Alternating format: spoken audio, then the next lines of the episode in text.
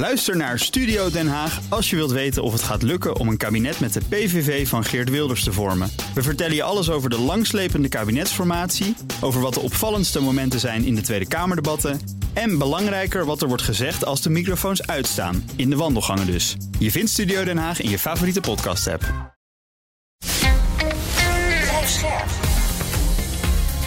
BNR Nieuwsradio. Boekenstein en de Wijk. Hugo Reitsma. Welkom bij Boekenstein en de Wijk. Het is woensdag, dag 469 van de oorlog in Oekraïne. We moeten natuurlijk beginnen met de verwoesting van de Kakova-dam, de stuwdam in de Dnipro-rivier in de regio Gerson, zuiden van Oekraïne. Gisteren in de vroege ochtend was dat al, waardoor het stuwmeer in oppervlakte twee keer het IJsselmeer, hè, waardoor dat leegloopt en zorgt voor gigantische overstromingen, hele grote schade. De waterkrachtcentrale is verwoest, de drinkwatervoorziening voor honderdduizenden Oekraïners is in gevaar. Een groot gebied aan landbouwgrond is voor lange tijd onbruikbaar. Uh, het gebied raakt ook vervuild, begrijp ik, doordat het water van alles meesleept. Tien mensen vermist, duizenden geëvacueerd. En ook ja, de en dat had ecologische kunnen worden. En ook de ecologische ramp. Ik bedoel, er gaat olie, 105, minstens 150 ton olie loopt nou de Zwarte Zee en maakt ook al dat landbouwgrond onvruchtbaar. Kunstmest, al die chemische producten die ze daar gebruiken. En de, kijk, de Oekraïners doen wel wat aan die Westbank eh, om dan mensen te evacueren. Maar wat de Russen daar doen, daar weten we betrekkelijk weinig van. En die hebben ook allemaal ellende op die Oostbank. Hè? Rob, ik hoorde jou zeggen het had voorkomen kunnen worden ja, als Rusland die oorlog niet was begonnen, was Oh. het niet gebeurd. Ja, ja oké. Ik denk, ja, zo, zo simpel is dat. Kijk, Ja. ik eh, heb gezien dat in de Veiligheidsraad er hevig gebakkeleid is tussen Oekraïne en, eh, Ja, en Rusland over eh, de schuldvraag. Maar eigenlijk vind ik dat eh, niet zo interessant. Want ja, als je een land invalt, dan gebeurt er dit. Dan zijn dit de dingen die kunnen gaan gebeuren. Ja. We hebben helemaal in het begin van die oorlog eh, wel gezegd van nou, er gebeuren hele... Er gaan hele onvoorspelbare, hele erge dingen gebeuren waarvan we nu nog geen weet hebben. Nou, dit, is- dit is er een van. Hoewel, eh, ik herinner me dat we veel eerder ook eh, die discussie hebben gehad eh, over aanvallen op, die, op die dam. Zowel door de Russen die hem nu een pakweg een jaar in bezit hebben, maar ook Oekraïne heeft erop geschoten. Mhm. En we weten eigenlijk dat de eerste berichten over een mogelijke, een mogelijk aanbrengen van explosieven eigenlijk al van, van april vorig jaar stammen. ja. En eh, in, eh, in, ja, in oktober zo ongeveer eh, zijn die berichten weer naar voren gekomen. En toen werd er weer gezegd dat er mogelijkwijs extra explosieven zijn aangebracht. We, we hebben natuurlijk dan wel gezegd, ja, wij kunnen dat niet controleren.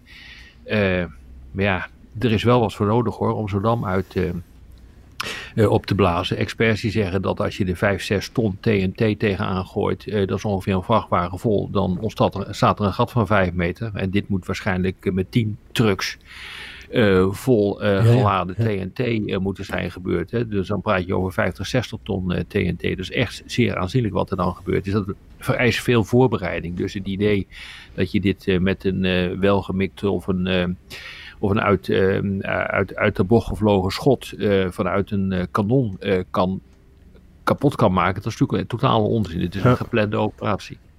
En dat wordt dan door, door, door, door bepaalde mensen, of bepaalde experts gezien als bewijs dat de Russen het gedaan zouden hebben. Hè? Want de raketten van eh, Oekraïne kunnen dat soort grappenmakerij niet. En de Russen, die, die, die hebben ook, het is over gesproken, ook in november of zo, dat de Russen dat al Oktober, gedaan oktober, november, ja, Ja. exact. Ja. Ja. Dus waarschijnlijk hebben En maar het ja, er blijft- wordt dus ook, eh, sorry, er wordt ook gewezen naar het eerste bataljon van een gemechaniseerde brigade van eh, Rusland die daarvoor verantwoordelijk zouden zijn. Maar dat zijn natuurlijk weer van die beweringen die niet eh, gecontroleerd kunnen worden. En het blijft ook een beetje vreemd, hè, jongens. Want kijk, er- komen dus ook Russische soldaten in de grootst mogelijke problemen aan die andere Ja. kant van de oever. Ja. Ja. Je verliest Krim, eh, de leidingwater, kraanwater op de Krim. Dus, dus dat, als je dat allemaal tot je door laat dringen, dan zijn misschien de Russen toch wel heel erg in paniek. Nou, Ja, nou, nou, dat, dat, eh, die, eh, eh, die watervoorziening van de Krim die loopt hier door geen gevaar hoor. Realiseer je dat pas eh, dat eh, noordelijke Krimkanaal, die dus eh, die, dat reservoir met de Krim eh, ver, ehm, verbindt, die is eigenlijk vanaf 2014 al afgesloten. Tot Ja. aan de oorlog. En na de oorlog is weer, eh, is hij weer ehm, geopend. En tot ehm, aan de oorlog eh, had eh, Rusland voor de Krim een alternatief watersysteem bedacht, inclusief waterreservoirs. Dus dat, Hm. is, dat is het probleem niet. Nee, Hm. dat is het probleem niet. Wat het probleem wel is, ik denk eerlijk gezegd hoor, dat dat ook het allergrootste punt is. Je noemde het even terloops, Hugo. Eh, dat is verlies aan landbouwgrond. Als Ja. je dus kijkt hoeveel dat is, dan gaat het over waarschijnlijk een half miljoen hectare. En realiseer je dat in dat gebied, eh, daar wordt 80% van het groente en fruit van eh, Oekraïne verbouwd, maar ook van Moldavië. Eh, het probleem zit hem erin dat als je niet irrigeert, en dat gebeurt vanuit, dat, vanuit dat stuurmeer, eh, dan valt er geen regen. Ja, er valt wel regen, ongeveer 400 mm, maar dat is precies in de winter. Dus dan heb je er weinig aan om groente en fruit te verbouwen. Ja. Eh, eh, dus je moet irrigeren. En zonder de irrigatie eh, kan het niet. Als je nu zou gaan repareren op dit ogenblik, dan zou het 5 tot 10 jaar duren voordat er weer wat verbouwd kan worden. Ja. Dus enorme ecologische effecten. Trouwens ook in de Zwarte Zee. Eh, en, en ook eh, de visserij natuurlijk. Hè? Ze- Ze haalden heel veel vissen haalden ze uit, eh, uit, uit de Dnipro-rivier. Nou ja, maar misschien even, jongens, dit is wel echt cruciaal. Eh, kijk, het is, dit is het tweede eh, effect voor de voedselveiligheid eh, ehm, van, van, van deze oorlog. Eh, de, de graan, het, de graanexporten, daar hebben we het al vaker over eh, gehad. Er zijn deals voor gemaakt. Hier zijn geen deals voor te maken. Nee. Eh, en dit is echt een, echt een wezenlijk probleem, want hiermee maak je dus Oekraïne kapot. Want, ja, ik, kunnen jullie je een voorstelling maken van eh, het militaire effect hiervan? Nou, het is moeilijker over te steken, lijkt me, hè, als het breder is, die rivier. Ja, maar hoor eens even, dit is geen Hollandse waterlinie. Dus de Hollandse waterlinie, daar stak je de dijken door. En dan eh, liepen de, eh, eh, de polders onder water, maar daar heb je geen polders. Dus op een gegeven moment is dat water weg, volgens mij. En dan, ehm, en dan loopt die rivier gewoon weer binnen zijn oude oevers. En dan loopt hij ook dwars door dat stuwmeer heen. Ik heb wel vaker van die, hebben jullie waarschijnlijk ook wel, van die droge stuwmeren gezien. Dan even leeg worden gemaakt om schoon te worden gemaakt. En dan zie je gewoon de oude rivier. Die zie je gewoon daar gezellig doorheen kabbelen. Nou, Ja. dat gaat hier natuurlijk ook gebeuren. Dus eh, je verwoest nu een hele hoop. Maar over een tijdje is dat water weg. En dan is het afgevoerd naar de zee, volgens mij hoor. Ja. Voor zover ik het kan zien en wat ik ook van de experts eh, hoor.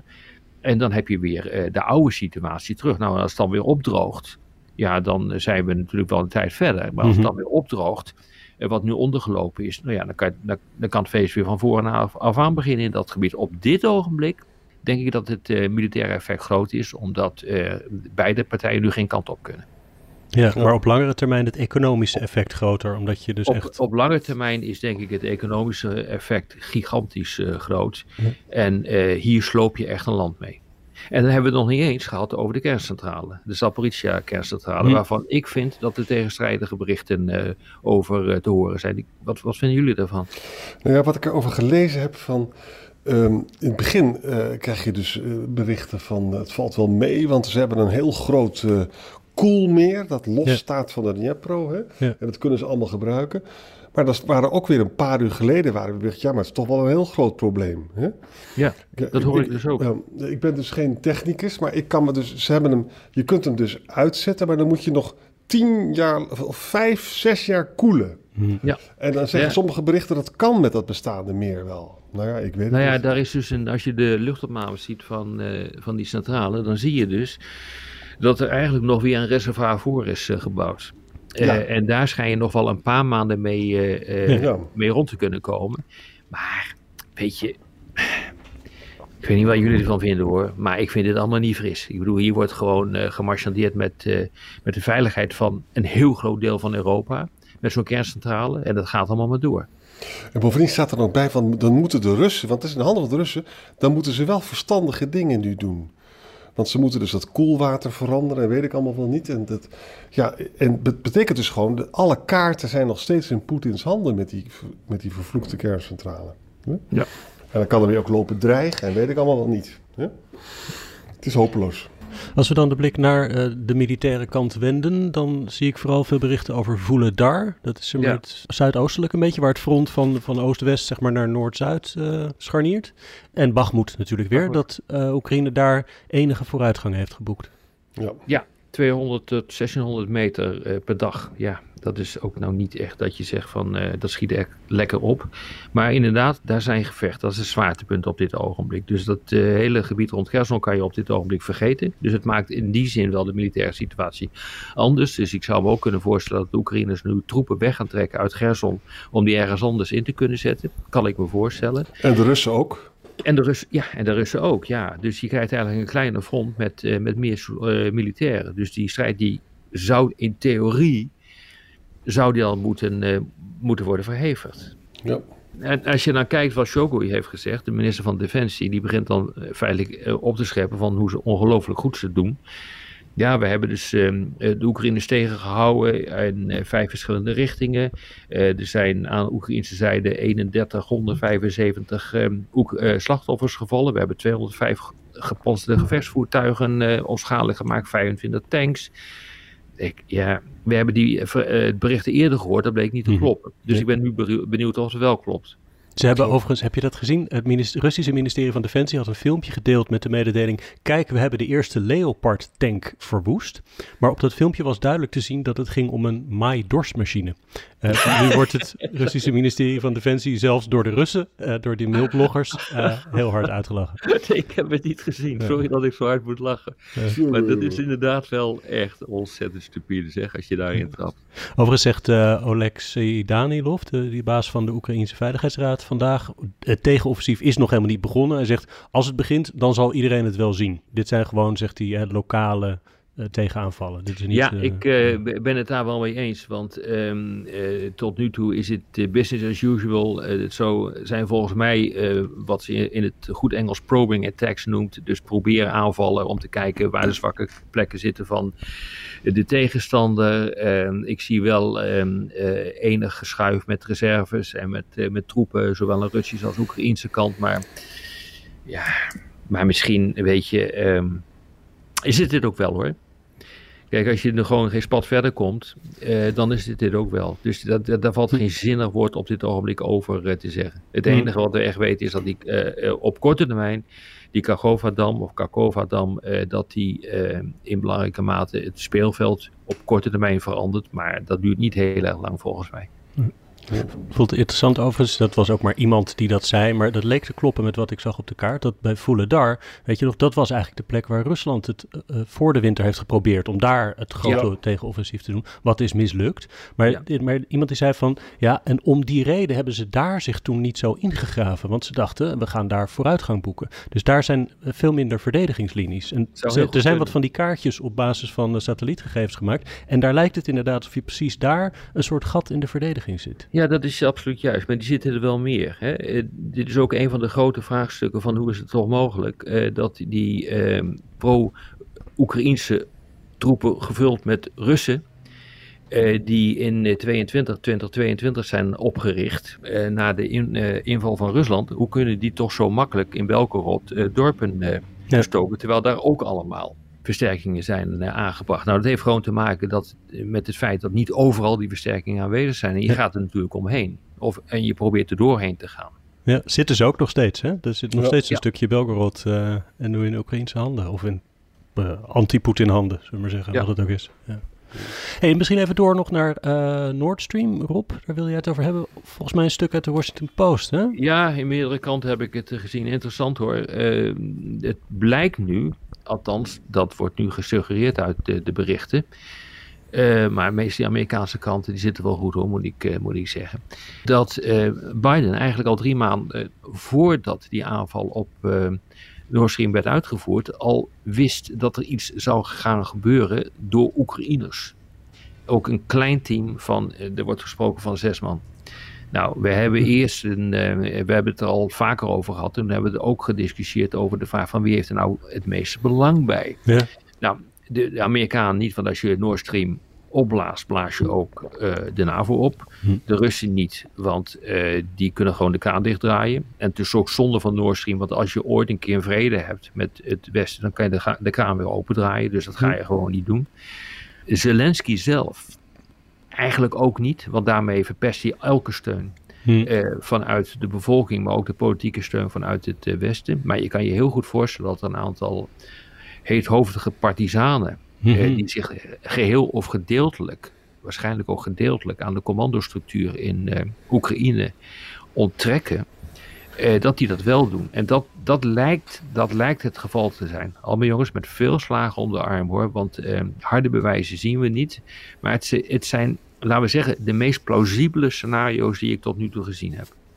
Maar jongens, zes partisanen kunnen toch niet zomaar de Nord Stream opblazen? Hm. Dan heb je, dat is geen, geen gemakkelijke operatie. Nee, dat vind ik ook heel erg weinig. En je weet natuurlijk niet precies hoe het is gebeurd.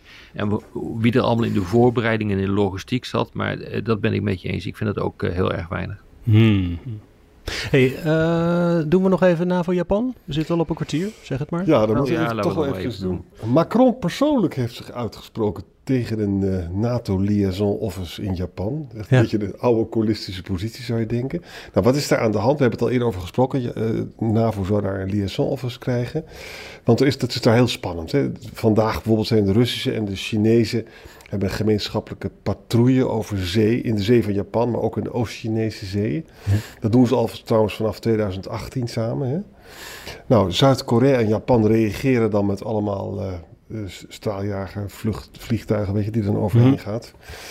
En ja, waarom wil Macron dat niet? Ja, ik denk dus dat, dat het, hij vindt dat de NAVO zich tot het NAVO-grondgebied moet beperken. Ja, Noord-Atlantisch. Japan is niet Noord-Atlantisch. En hij heeft natuurlijk met heel veel uh, egaars ontvangen in Beijing. Dus hij wil nog eventjes de deuren open houden naar China. Maar dit is natuurlijk wel een, uh, in strijd met wat de Amerikanen willen. Hè? Dit is een... Ja, ja, ja. ja, maar ik vind het toch vreemd. Kijk, realiseer je uh, dat in april 2013 volgens mij... er een commitment is ondertekend tussen de NAVO en Japan om hun samenwerking te, uh, te versterken. En um, in 2014 is toen ook het werk gestart om uh, naar een individueel partnerschap uh, te gaan waarin die samenwerking was vastgelegd. Ik kan me nog goed herinneren dat ik in die tijd met de toenmalige secretaris-generaal Jaap de Hoop Scheffer in Japan ben geweest. Um, en Jaap die moest toen um, de NAVO eigenlijk, of de, de Japanners eigenlijk, om het maar even heel huiselijk te zeggen, en in VPRO-termen, een tientjeslidschap uh, aan de man moest brengen in Japan. um, en dat kwam eigenlijk neer inderdaad op, op zo'n partnerschap. Uh, dus dat, dat partnerschap is er gewoon. Uh, en nu moet dat kennelijk bekrachtigd worden met een officieel kantoor. Realiseer, er is ook een officieel kantoor geweest van de NAVO in Moskou. Uh, maar kennelijk uh, vindt uh, Macron nu het politieke signaal dat daarvan uitgaat gewoon toch, ja, toch te eng. Um, en hij wil zich gewoon niet bemoeien met wat daar aan de hand is, zeker ja. niet via de NAVO. En dat is ook wel conform met wat hij eerder heeft gezegd toen hij in, wanneer was dat, in China is geweest, een paar maanden of een paar weken geleden was dat. Dat is niet meer zo lang geleden. Ja. Ja, maar dit is toch vorig jaar bij dat nieuwe strategisch concept van de NAVO ja. is ook China als uh, wat is het, vijand, absoluut. tegenstander aangeduid. Ja, uh, wordt, wordt op deze manier niet de confrontatie tussen China en Amerika er eentje tussen China en de NAVO? Want dan, ja. uh, dan, dan ja, zitten wij er ook formeel. Want het werkingsgebied van de NAVO dat omvat absoluut niet uh, de, uh, de, de, de, Indische Oceaan of uh, de, de, de, Gele Zee of god weet wat je daar nog meer hebt, de Pacific. Dat, dat, dat, omvat het gewoon niet. Nee, maar dus, Amerika die vraagt ook Europese bondgenoten om mee te doen met van die Freedom of Navigation vaarten door de, de straat van Taiwan, toch? Ja, maar ja. dat is geen NAVO-operatie. Oké. Okay. Ja. dus dat is wel belangrijk. Dat zijn natuurlijk wel NAVO-leden. Ja, dat is allemaal voor fijnproeven. Nou. China die zal dat ook uh, niet, niet zo 1, 2, 3 op die manier interpreteren. Want als hij een schip ziet van, ehm, van Nederland, dan zal hij zeggen, ah, daar, gaat, daar vaart een NAVO-schip. Mm. Dat is dan formeel niet zo, want het is een Nederlands schip. Maar goed, ik bedoel, dat is echt voor fijnproevers. Maar waar het gewoon om gaat, is dat Europa wil gewoon handel drijven met China. En Amerika wil uh, Europese steun voor de strijd met China. Ja. En dat botst dus gewoon. Het is heel, mm. uh, echt een metafoor voor de huidige tijd. Ja, ja. ja. Nou, zullen we de nu maar afronden dan? Lijkt me goed. Dan zeg ik jullie dank. Tot, Tot morgen. Ook Bas van Werven vind je in de BNR-app. Ja, je kunt live naar mij en Iwan luisteren tijdens de ochtendspits. Je krijgt een melding van Breaking News. En niet alleen onze podcast Ochtendnieuws, maar alle BNR-podcasts vind je in de app. Download nu de gratis BNR-app en blijf scherp.